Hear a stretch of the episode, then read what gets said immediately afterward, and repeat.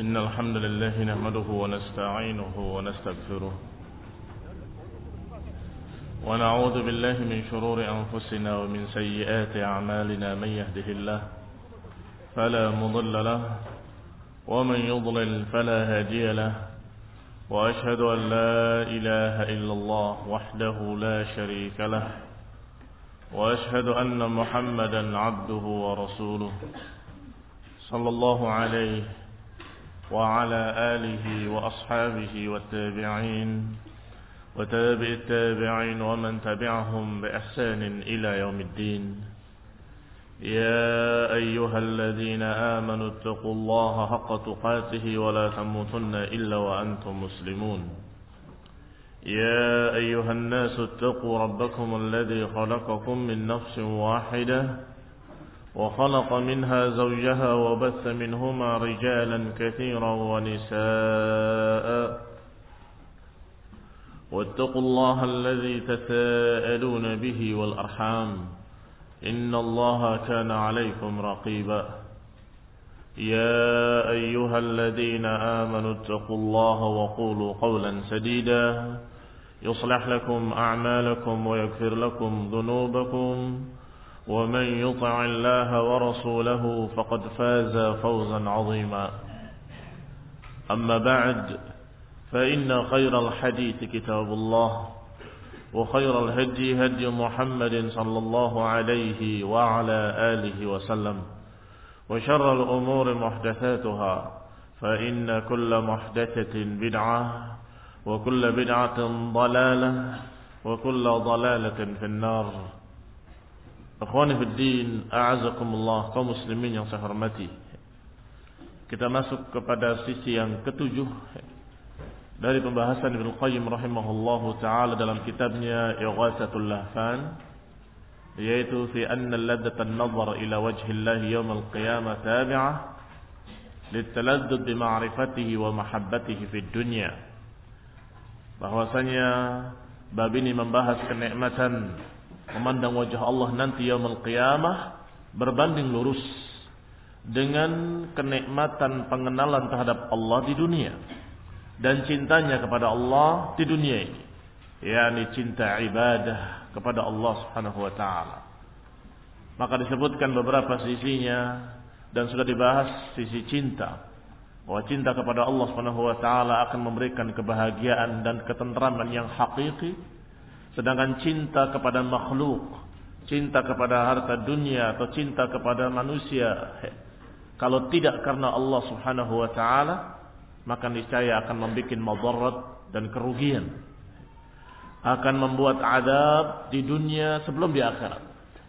Maka sisi yang ketujuh al-wajhus sabi' anna i'timad al-'abd 'ala al-makhluq wa tawakkuluhu wa tawakkulahu 'alayhi yujib lahu ad-darar min jihatihi huwa wala bahwasanya penyandaran seorang hamba kepada makhluk dan bergantungnya kepada makhluk akan menyebabkan madarat dan kerugian serta kejelekan dari sisinya. Wala dan mesti begitu. Berarti kalau kemarin kita membahas tentang cinta kepada makhluk cinta kepada benda dan harta dunia maka sekarang adalah ketergantungan. Barang siapa yang tergantung yakni bersandar kepada sesuatu selain Allah bertawakal pada sesuatu selain Allah maka juga akan membawa madarat. Aksama amaluhu minhu. Yakni bertentangan dengan apa yang diharapkannya.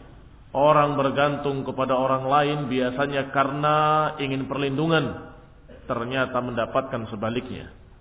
Yang ingin keuntungan ternyata mendapatkan kerugian. Yang ingin kemuliaan ternyata mendapatkan kerendahan. Dan begitulah seterusnya akan mendapatkan madarat aksama amaluhu minhu sebaliknya dari apa yang diharapkan.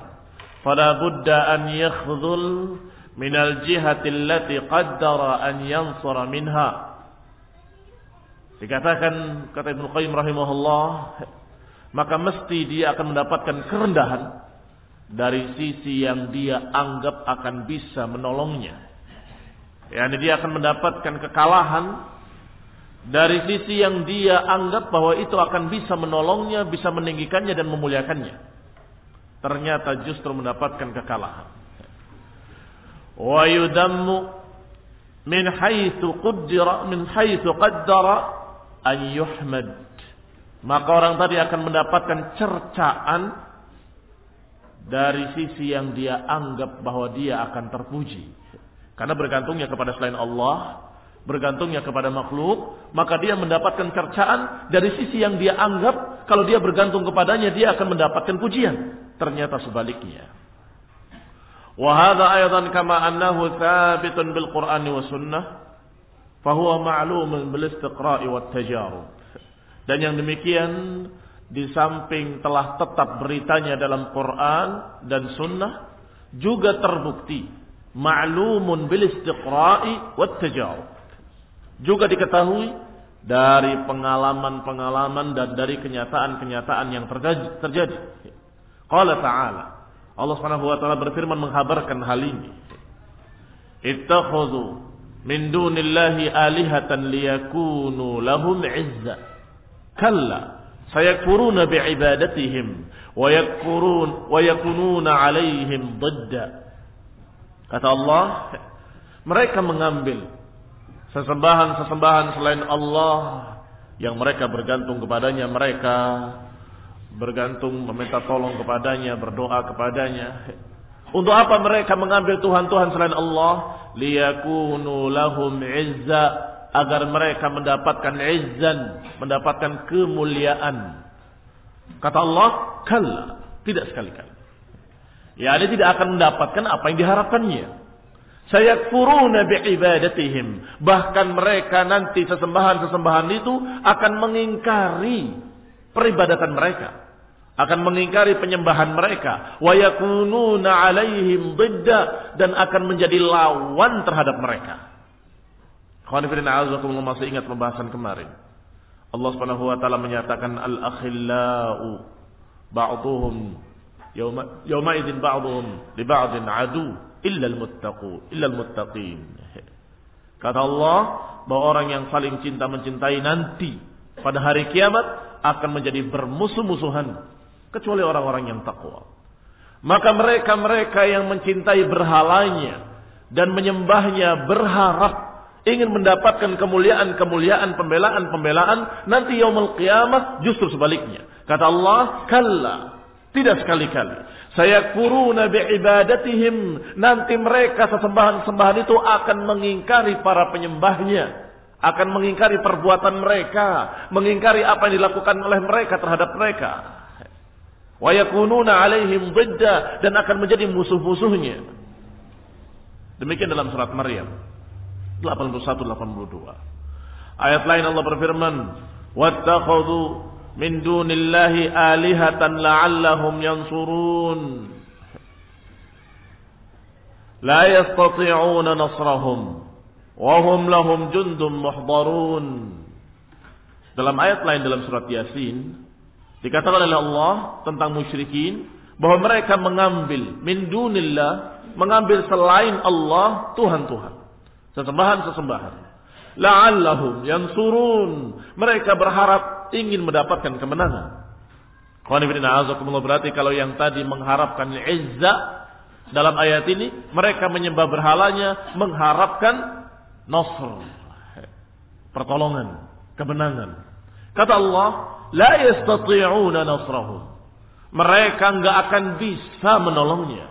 Berhala-berhala itu enggak akan bisa memberikan kemenangan pertolongan. Wahum lahum jundun muhdarun. Bahkan nanti sesembahan-sembahan mereka itu akan menjadi tentara yang melawan mereka. Justru menjadi musuh bukan menjadi penolong. Kata Ibnu Qayyim rahimahullah menyatakan makna ayat ini adalah ayyaghdabuna lahum wa yuharibun. Yakni nanti sesembahan-sembahannya akan murka akan marah kepada penyembah-penyembahnya. Wa yuharibun dan akan memerangi para penyembah-penyembahnya. Mengharapkan pertolongan dapatnya peperangan. Mendapatkan pembelaan eh, mengharapkan pembelaan dapatnya permusuhan. Kama yaghdabul jund wa yuharib an ashabi sebagaimana marahnya tentara dan memerangi musuh-musuhnya. Wahum la yastati'una nasrahum maka mereka nggak akan bisa membelanya nggak akan bisa menolongnya balhum kallun alaihim. Bahkan mereka kallun alaihim mereka akan dipasrahkan atas diri mereka sendiri. Yakni dibiarkan dalam keadaan tidak ditolong tidak dibela tidak dibantu Qala ta'ala juga Allah berfirman dalam ayat lain dalam surat Hud. Wa ma zalamnahum walakin zalamu anfusahum fama aghnat anhum alihatuhum allati yad'una min dunillah min syai' lamma jaa amru rabbik wa ma zaduhum ghaira tatbib. Kata Allah, kami tidak menzalimi mereka. Wa ma zalamnahum Yani ketika Allah mengadab mereka, ketika Allah menyiksa mereka di dalam neraka, Allah tidak mendolimi mereka. Wa ma zalamnahum, walakin zalamu anfusahum. Kami tidak mendolimi mereka, tapi mereka sendiri yang mendolimi diri-diri mereka sendiri. Fama aghnat anhum alihatuhum. Dan tidak akan bisa mencukupi mereka Tuhan-Tuhan mereka. Nggak akan bisa membela mereka alihatuhum Tuhan-Tuhan mereka, sesembahan-sembahan mereka. Allati yad'una min dunillahi min syai' yaitu Tuhan-Tuhan yang mereka sembah di dunia. Selain Allah. Tidak bisa menolongnya min syai' nggak bisa menolongnya sedikit pun. Nggak bisa membelanya sedikit pun. Lamma jaa amru rabbik. Ketika datang keputusan dari Rabbmu. Ketika datang keputusan dari Allah. Maka mazaduhum ghairu tatbib mereka tidak bisa menambah kecuali tadbib. Apa itu tadbib? Ayu ghaira tahsir. Tidak menambah mereka kecuali kesengsaraan, kekecewaan. Taksir, kerugian yang mengecewakan.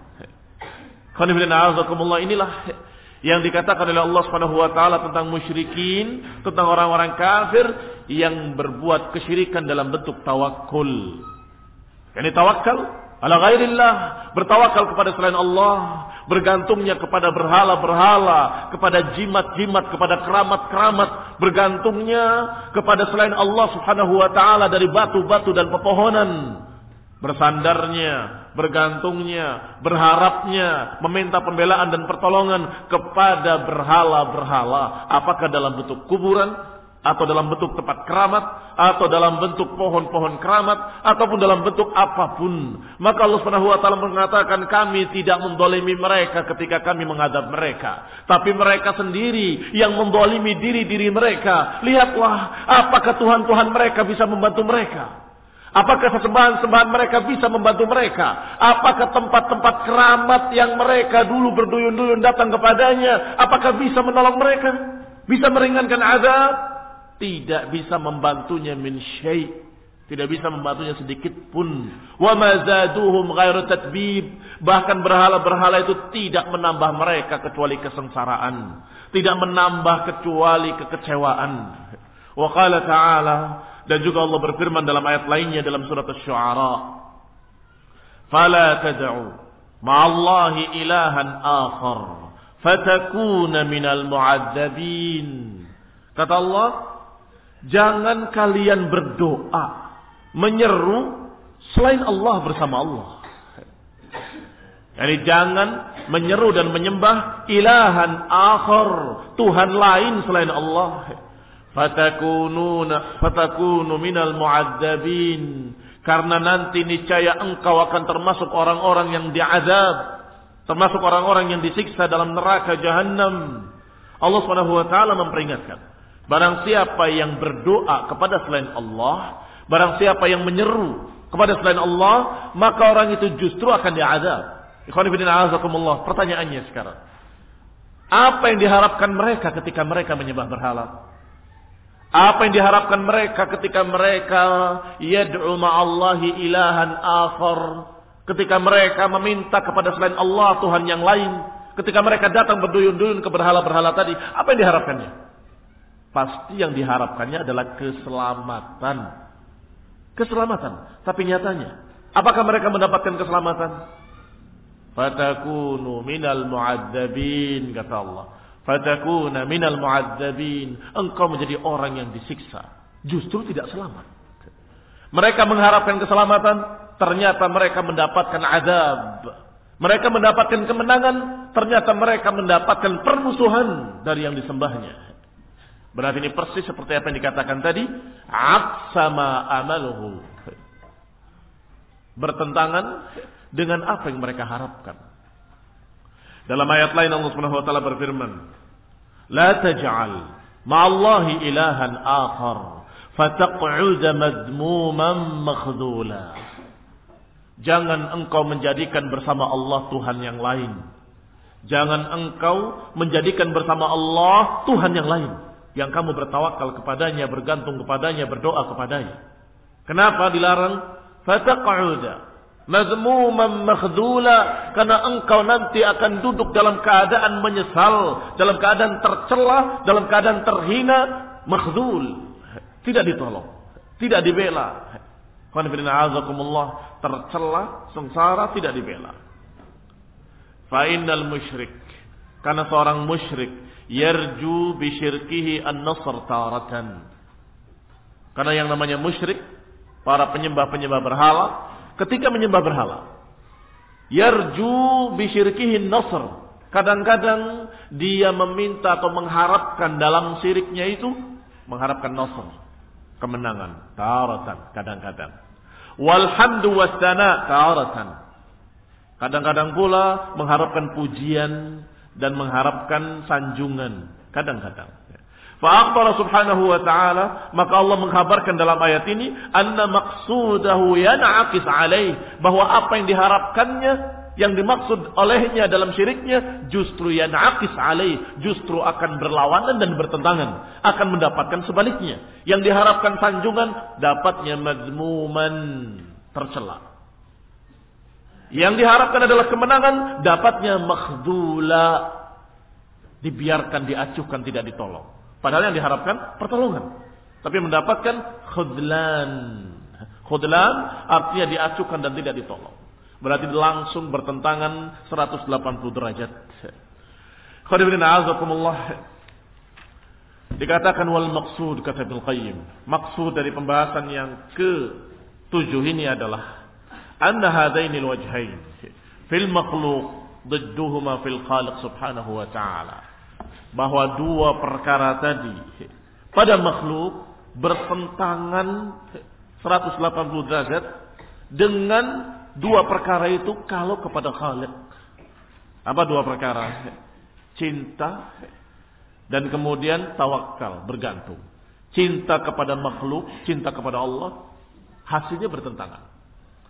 Cinta atau tawakal kepada Allah, tawakal kepada makhluk juga yang dihasilkan bertentangan, berlawanan.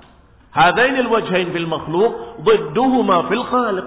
Dua perkara itu pada makhluk membawa kerugian, tetapi kepada Allah lawannya justru mendapatkan keuntungan yang hakiki, kebahagiaan yang hakiki. Fasalahul qalbi wa sa'adatuhu wa falahuhu fi ibadatillahi ta'ala wa isti'anati bih. Maka yang namanya kebaikan di dalam hati, yang namanya kebahagiaan, kegembiraan adalah dengan beribadah kepada Allah dan dengan meminta pertolongan kepada Allah. Dengan cinta kepada Allah dan dengan bergantung tawakal pada Allah. Wahalakuhu sebaliknya kebinasaan hati, kesengsaraan hati, kerugian hati yang ajil dan ajil yang segera maupun yang ditunda ajil yang disegerakan, ajil dengan hamzah yang ditunda. Yani yang di dunia dan yang di akhirat. Kebinasaan di dunia dan di akhirat. Kesengsaraan dunia dan akhirat. Kerugian dunia dan akhirat adalah dengan beribadah kepada makhluk dan beristianah kepada makhluk.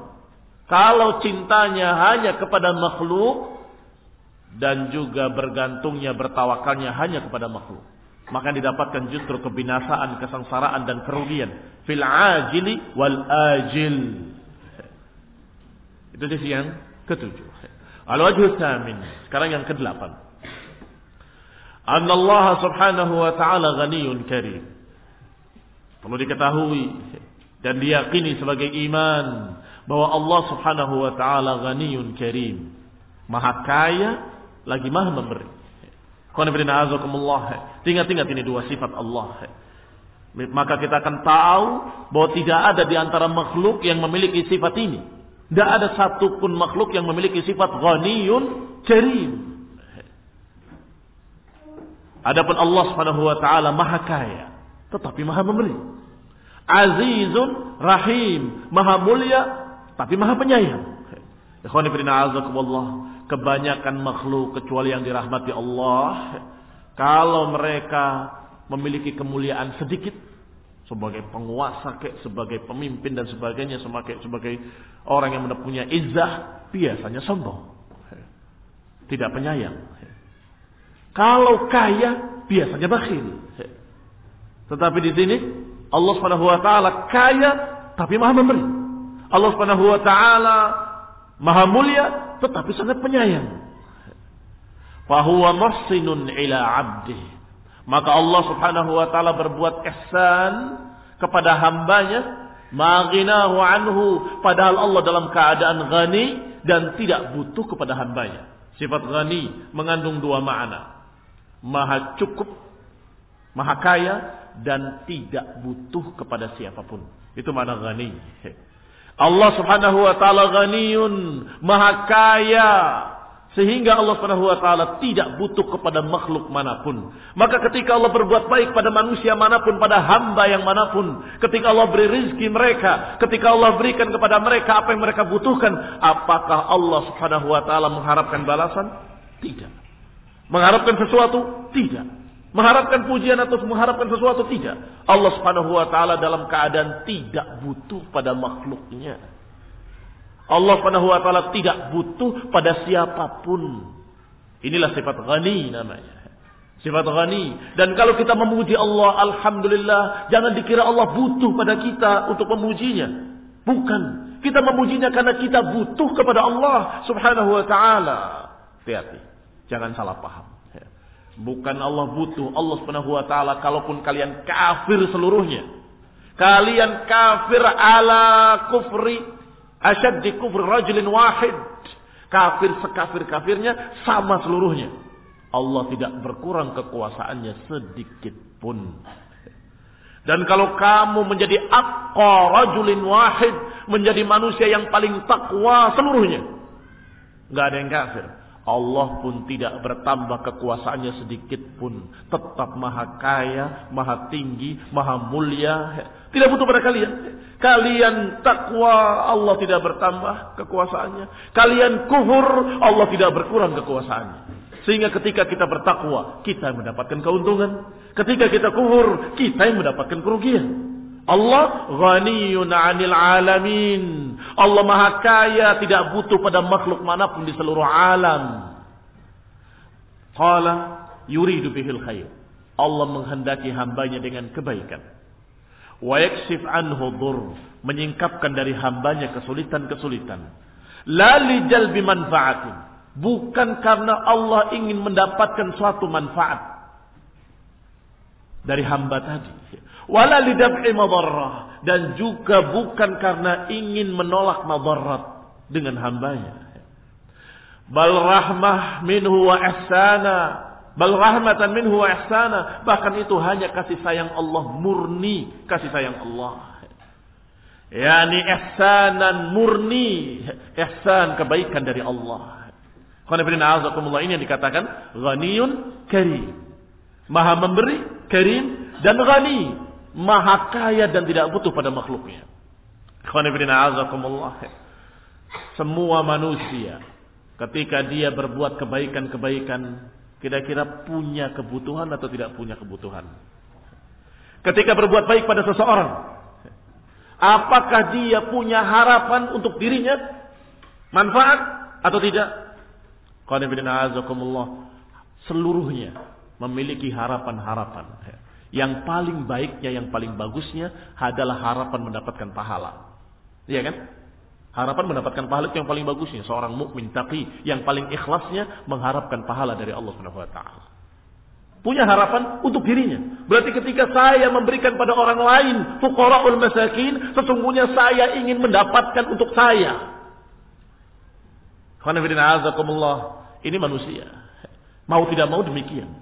Apalagi yang selain mukminin, apalagi yang selain mukhlisin, orang-orang yang tidak ikhlas dan tidak iman, pasti ada sesuatu di belakangnya, ada udang di balik batu.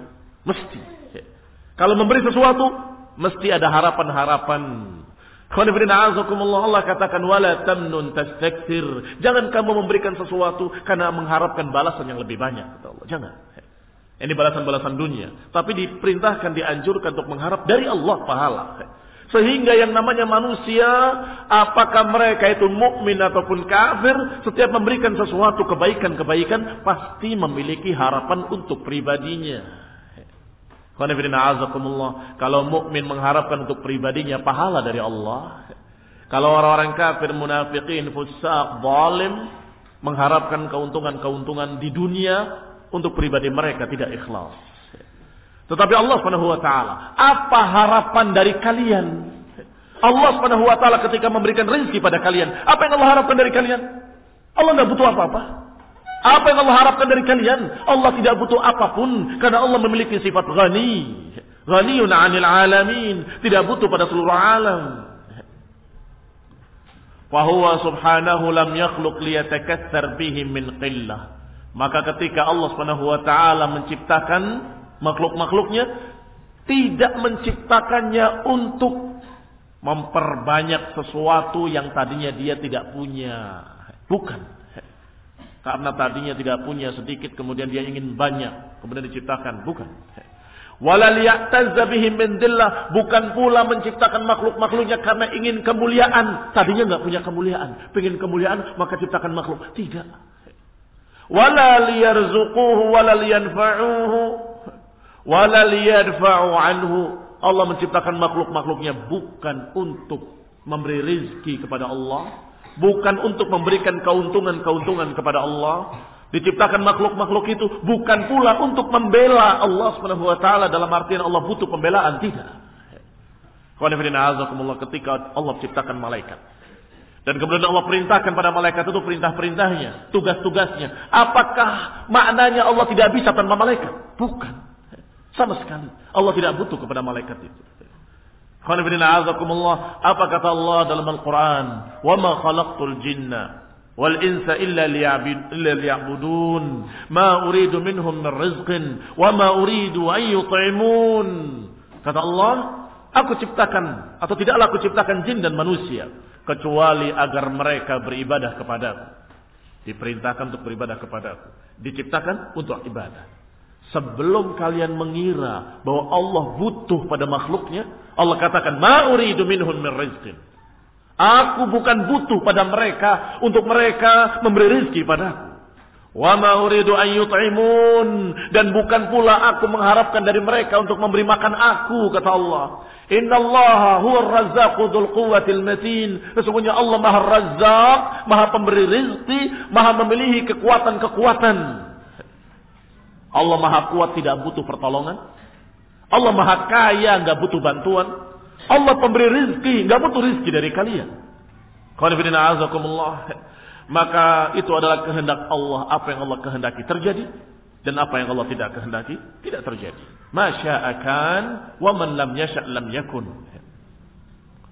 Allah subhanahu wa ta'ala juga berfirman. Wa qulil hamdulillah. Alladhi lam yattakhid waladan. Wa lam yakun lahu syarikun fil mulk. Wa lam yakun lahu waliyun minadzul. Wa kabbirhu takbira. Katakan, kata Allah. Ucapkan Alhamdulillah segala puji bagi Allah Subhanahu wa taala yang tidak pernah mengambil seorang anak tidak menjadikan seseorang sebagai anaknya walam yakun lahu syarikun fil mulk dan tidak pula ada baginya sekutu-sekutu yang bersamanya dalam memiliki alam ini. Walam yakun lahu waliyun minadzul dan juga tidak memiliki pembela-pembela dari kelemahan. Penolong-penolong atas kelemahannya tidak. Wa kabbirhu takbira. Maka besarkanlah Allah dengan sebesar-besarnya. Allahu akbar. Allahu Akbar. Allah Maha Besar.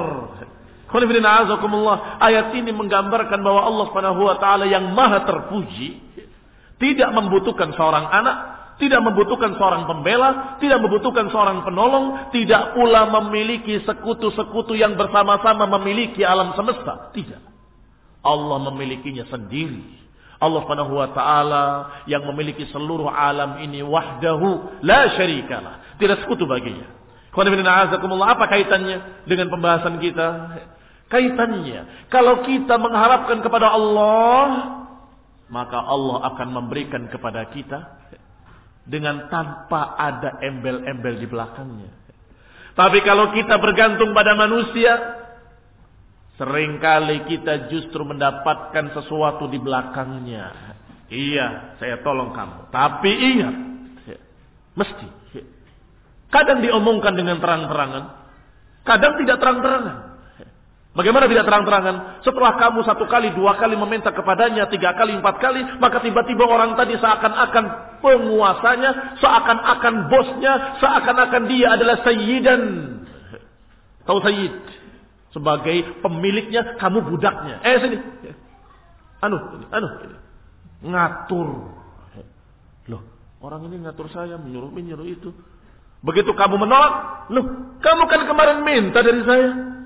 Bukankah saya telah memberikan ini, memberikan ini, memberikan ini, memberikan ini? Inilah makhluk. Maka barang siapa yang bergantungnya kepada makhluk, ini akibatnya.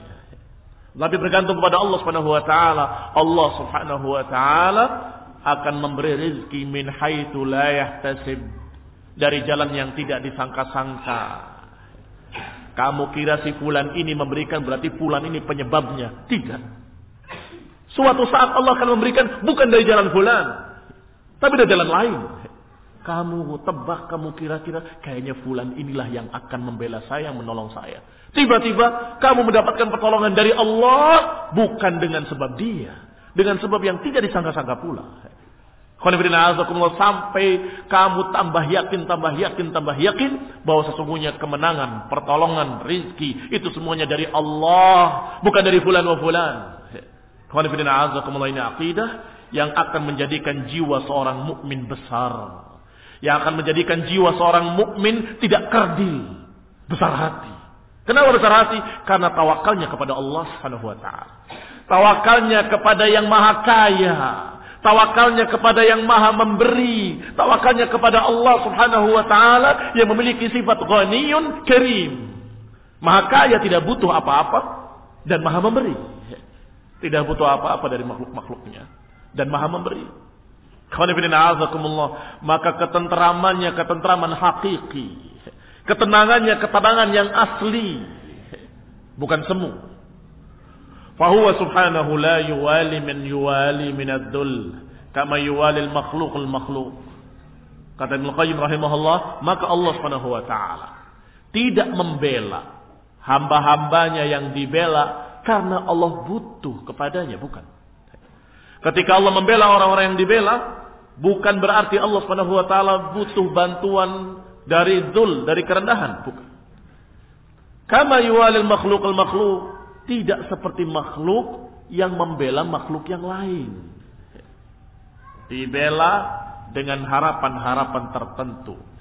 Innama yuwali awliya'ahu ihsanan wa rahmatan wa mahabbatan lahum. Adapun Allah ketika membela wali-walinya, ketika menolong hamba-hambanya adalah karena ihsan, karena Allah memang Maha memberi kebaikan-kebaikan kepadanya. Wa rahmatan hanya karena sifat kasih sayang Allah, wa mahabbah dan karena sifat cinta Allah Subhanahu wa taala kepada wali-walinya, kepada orang-orang saleh, maka Allah membela mereka, menolong mereka. Titik. Enggak ada di balik itu harapan-harapan Allah Subhanahu wa taala pada makhluk, enggak ada. Tidak seperti makhluk kepada makhluk yang lain. Pertolongan makhluk pada makhluk yang lain, pembelaan makhluk pada makhluk yang lain mesti ada sesuatunya. Wa ammal ibad. Adapun para hamba, para makhluk. Kama qala ta'ala. Sebagaimana Allah katakan dalam Al-Quran. Wallahul ghani wa antumul fuqara. Allah maha kaya tidak butuh makhluk-makhluknya. Wa antumul fuqara. Sedangkan kalian fuqara. Makir. Butuh. Allah ghani, tidak butuh pada siapa pun. Wa antumul fuqara, sedangkan kalian fuqara, orang-orang yang butuh, butuh kepada Allah Subhanahu wa taala. Butuh dari Allah Subhanahu wa taala, butuh pembelaan, butuh pertolongan. Maka mereka-mereka yang tidak beriman ketika mereka berbuat sesuatu karena kebutuhannya. Ketika berbuat kebaikan karena kebutuhannya. Ketika berbuat ini karena kebutuhannya. Itu manusia. Fahum lifaqrihim wa hajatihim. Innama yuhsin ba'duhum ila ba'din lihajatihi ila dhalik. Kata Ibn Qayyim. Maka mereka lifaqrihim. Karena fakirnya mereka. Wahajatihim karena butuhnya mereka. Innama yuhsin ba'duhum ba'dha, maka mereka berbuat baik satu orang kepada orang yang lain lihajatihi, karena hajatnya. Mereka menolong karena hajatnya. Hajat ila dzalik wa intifa'uhu bihi ajilan aw ajilan dan karena harapan-harapan. Apakah harapan ajil ataupun harapan ajil? Ajil dengan ai, yakni yang di dunia, harapan-harapan dunia. Ajil harapan-harapan akhirat. Tentunya harapan-harapan akhirat itulah yang diperintahkan. Karena manusia memang fakir, akuilah kebutuhannya kepada Allah, maka harapkanlah pahala dari Allah. Harapkanlah balasan dari Allah taala. Tetapi sebagian yang lain, orang-orang yang tidak memiliki keimanan atau orang-orang yang minim imannya, lemah iman atau orang kafir. Maka mereka ketika berbuat sesuatu membela, menolong itu lihajatihim karena butuhnya mereka. Kamu lihat, biasanya tokoh-tokoh orang kaya dekatnya dengan siapa? Biasanya orang pemuda-pemuda kaya, temannya pemuda-pemuda yang kaya apa kira-kira? Para preman. Apa urusannya? Apa kaitannya orang kaya ini dengan preman ini? Si kaya butuh pembelaan dari si preman-preman tadi. Premannya butuh harta dari si kaya-si kaya tadi. Sehingga aku. Lihatlah. Di mana-mana begitu serasi. Seakan-akan pasangan yang serasi. Karena saling membutuhkan. Demikianlah dia berbuat baik mengeluarkan hartanya. Karena harapan dibela oleh si preman-preman tadi. Premannya berbuat baik membela sahabatnya tadi. Kenapa? Karena harapan ingin mendapatkan pemberian-pemberian. Inilah yang terjadi di dunia. Yang kata Ibnu Qayyim rahimahullah, li faqrihim wa hajatihim innama yuhsinu ba'dhum ila ba'din li hajatihim. Karena fakirnya mereka, karena mereka fakir, sangat butuh, maka mereka saling memberikan kebaikan karena ingin keuntungan. Ini yang tidak ada pada Allah Subhanahu wa taala yang maha terpuji. Allah memberikan rezeki tetapi Allah tidak butuh dari mereka balasan apa pun. Allah memberikan pertolongan. Allah tidak mengharapkan dari kalian pembelaan apa pun. Ma uridu min rizqin. Ma uridu minhum min rizqin. Wa ma uridu an yut'imun. Kata Allah. Aku tidak membel, tidak mengharapkan dari mereka rezeki. Dan tidak pula mengharapkan dari mereka. Kalau mereka memberi makan aku. Kata Allah. Walau tasawwar. Walau la tasawwur dhalika nafa' lama ahsana ilaih. Kalau saja tidak tergambarkan kebaikan-kebaikan tadi, balasan-balasan dunia tadi, niscaya mereka nggak akan saling memberi. Niscaya mereka nggak akan saling memberikan pertolongan. Fahuwa fil haqiqah innama aradal ihsan ila nafsih. Maka ternyata itu adalah kebaikan untuk dirinya sendiri-sendiri. Preman tadi memberikan pertolongan untuk siapa kira-kira keuntungannya? Untuk dirinya sendiri supaya dapat keuntungan. Si kaya tadi ketika memberikan uangnya, hartanya dan sebagainya, untuk apa kira-kira? Untuk kepentingan dirinya sendiri supaya dirinya mendapatkan keuntungan. Berarti ilaman al-ihsan ila nafsihi hu. Kepada siapa ihsannya? Ila nafsihi. Untuk dirinya sendiri. Wa ja'ala ihsanahu ila ghairihi wasilatan wa tariqa. Dijadikan perbuatan baiknya pada orang lain itu sebagai jalan saja sebagai perantara saja, sebagai tariqan, sebagai jalan untuk dirinya mendapatkan keuntungan. Dan tariqan ila wusuli naf'i dzalikal ihsan ilaih agar menjadi jalan untuk sampainya manfaat kepada dirinya. Fa innahu imma an yuhsin ilaihi li tawaqqu'u jazaihi fil ajil. Bisa jadi orang itu berbuat ihsan, berbuat baik karena gambaran. Tawakku itu perkiraan. Saya akan mendapatkan balasan segera fil ajil. Fahuwa muhtajun ila dzalika jaza. Dan orang itu butuh balasan tadi. Au muawadhah bi ihsanih. Atau dia mengharapkan kalau-kalau dia akan mendapatkan balasan setimpal dari orang itu, maka dia berbuat. Au li tawaqqu'i hamdihi wa syukrih. Atau ada harapan lain, yaitu harapan pujian dan sanjungan. Wa huwa ayatan innama yuhsin ilaihi liyahsul minhu ma huwa muhtajun ilaihi min ats-tsana'i wal madah. Maka dia juga ketika berbuat ihsan kepada orang lain, maka orang itu ingin mendapatkan sesuatu yang dia butuhkan dari sanjungan-sanjungan dan pujian-pujian. Fahuwa mufsilun ila nafsih. Maka orang itu berbuat baik sesungguhnya pada dirinya sendiri. Memberikan keuntungan pada dirinya sendiri. Hanya saja dia memberikannya pada orang lain sebagai wasilah. Sebagai perantara supaya dirinya mendapatkan keuntungan. Wa imma an yuridul jazaa min Allah Ta'ala fil akhirah. Atau kalau bukan butuh-butuh dunia tadi, bukan kebutuhan-kebutuhan yang segera, bisa jadi dia butuh balasan dari Allah Subhanahu wa taala fil akhirah. Tetap butuh kalau makhluk. Kalau Allah tidak ada kebutuhan apa pun. Sifat ghani, betul-betul ghani. Betul-betul ghani anil alamin, tidak butuh apa pun dari makhluk-makhluknya. Manusia tetap butuh paling tidak paling jujur adalah butuhnya kepada Allah Subhanahu wa taala. Itu yang paling jujurnya. Dia pasti pasti pasti butuh pada Allah Subhanahu wa taala. La yanfak anhu tarfat ain, enggak akan bisa lepas sekejap mata pun. Manusia tidak akan bisa lepas dari kebutuhannya kepada Allah sekejap mata pun. Ila nafsih. Maka kalau orang yang paling ikhlas, mengharapkannya dari Allah Subhanahu wa taala balasan, tetap maknanya kalau dia beribadah itu mengharapkan dirinya mendapatkan kebaikan dari Allah. Berarti ihsan ila man ila nafsih.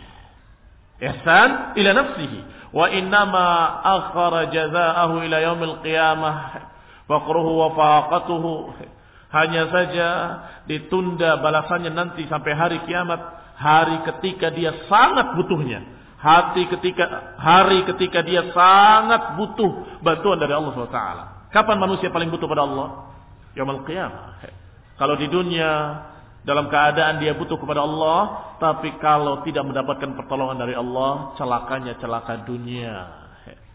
Kebinasaannya kebinasaan dunia, kesengsaraan kesengsaraan dunia. Tapi di akhirat kalau tidak mendapatkan pertolongan dari Allah Subhanahu wa taala, tidak mendapatkan pembelaan dari Allah Subhanahu wa taala, kesengsaraannya kesengsaraan abadi, kesengsaraan yang kekal khalidina fiha abada, kesengsaraan yang mengerikan yaumul qiyamah fi nari jahannam, kesengsaraan yang naudzubillah enggak ada bandingnya di dunia. Enggak ada bandingnya di dunia sama sekali. Kesengsaraan yang sangat pedih yang sangat alamun bin Dikatakan berarti yauma idzin yauma faqrihi wa faqatihi. Hari sangat butuhnya dia, sangat fakirnya dia kepada Allah Subhanahu wa taala. Fa huwa ghairu malumin fi hadzal qasd. Maka hamba yang berharap kepada Allah di masa-masa nanti yang berharap kepada Allah balasannya yaumul qiyamah ini adalah harapan yang sangat wajar, yang sangat jujur, ghairu malum, tidak tercela. Harapan kepada Allah tidak tercela. Dan orangnya tidak dicemooh. Ah, kamu itu berbuat baik kan hanya karena harapan pahala. Tidak dicela. Tidak jelek. Bahkan terpuji. Orang ini ikhlas. Orang ini betul-betul ikhlas karena Allah Subhanahu wa taala. Fa'inahu faqirun muhtaj. Karena memang aslinya manusia faqirun ilallah. Karena aslinya manusia muhtajun ila rabbih. Butuh kepada Rabbnya. Maka kalau dia butuhnya kepada Rabb, betul, wajar, jujur, benar, terpuji. Tetapi kalau dia mengharapkannya dari manusia, dari makhluk, dari fulan wa fulan, maka ini yang mazmum, tidak tercela, ah, tidak tidak ikhlas, tidak ikhlas, tidak jujur. Dia butuhnya kepada Allah tapi dia mengharapkannya dari makhluk. Qala faqruhu wa hajatuhu amrun lazimun lahu min lawazimi dzatihi. Adapun butuh kepada Allah adalah perkara yang lazimun, amrun lazimun. Perkara yang mesti, yang lazim min lawazimi dzatih dari kemestian seorang makhluk. Fakamaluhu an yahris ala ma yanfa'uhu wa la ya'jiz anhu. Maka yang dikatakan sempurna padanya pada seorang yang demikian atau seorang makhluk hendaklah bersungguh-sungguh untuk mendapatkan manfaat dari Allah Subhanahu wa taala. Manfaat dari Allah, bantuan dari Allah, pahala dari Allah. Wala ya'jiz anhu dan jangan menjadi lemah. Qala ta'ala In ahsantum ahsantum li anfusikum. Kalau kalian berbuat baik, sesungguhnya kalian berbuat baik untuk diri kalian sendiri. Maka jangan lemah, jangan malas. Semangatlah untuk beramal saleh. Karena amalan itu nanti buat kamu sendiri yaumul qiyamah. Allah akan berikan balasannya yaumul qiyamah untukmu sendiri. Bahkan kadang Allah berikan balasannya bukan hanya yaumul qiyamah, fid dunya wal akhirah. Dibalas di dunia dengan kebaikan, dibalas pula di akhirat dengan kebaikan yang lebih besar. Juga Allah katakan, "Wa ma tunfiqu min khairin yuwaffa ilaikum wa antum la tudlamun." Wa ma tunfiqu, apa yang kalian infakkan dari kebaikan-kebaikan, apa yang kalian berikan dari kebaikan-kebaikan, yuwaffa ilaikum. Allah akan balas setimpal pada kalian. Wa antum la tudlamun dan kalian tidak akan dizolimi. Yani akan diperlakukan secara adil. Allah akan berikan balasan-balasannya dengan berlipat-lipat kali. Allah akan berikan kepadanya balasan yang lebih besar. Demikianlah sisi yang kedelapan bahwasanya kalau Allah Subhanahu wa taala ghaniyun karim. Adapun makhluk mereka tidak ada yang ghani. Mereka semuanya fuqara. Allahu ghaniyun wa antum al-fuqara. Kalian kita fuqara. Sehingga jangan bergantung kepada fuqara. Jangan bertawakal kepada fuqara. Bergantunglah kepada al-ghaniyul hamid. Al-ghani, al-karim, Bergantunglah bertawakallah kepada Allah Subhanahu wa taala yang maha kaya, yang tidak butuh apa pun dan maha memberi. Maka kita akan mendapatkan dari Allah Subhanahu wa taala dengan gak ada efek samping. Diberi oleh Allah Subhanahu wa taala dengan tidak ada efek samping apa pun yang merugikan. Tetapi manusia sering kali bahkan mesti ada efek-efek sampingnya. Kalau kita bergantungnya pada makhluk, berharapnya pada makhluk, bertawakalnya pada makhluk, bersandarnya kepada fulan wa fulan, maka niscaya ada efek-efek samping yang merugikan, merendahkan, menyengsarakan. Mudah-mudahan bisa dipaham. Mudah-mudahan Allah SWT memberikan taufik dan hidayahnya kepada tauhid dan sunnah. Wa ta'ala ya jalana minal mu'minin sadiqin wa minal mukhlisin. وصلى الله محمد وعلى آله وصحبه وسلم تسليما كثيرا. سبحانك اللهم وبحمدك. أشهد أن لا إله إلا أنت أستغفرك وأتوب إليك. السلام عليكم ورحمة الله وبركاته.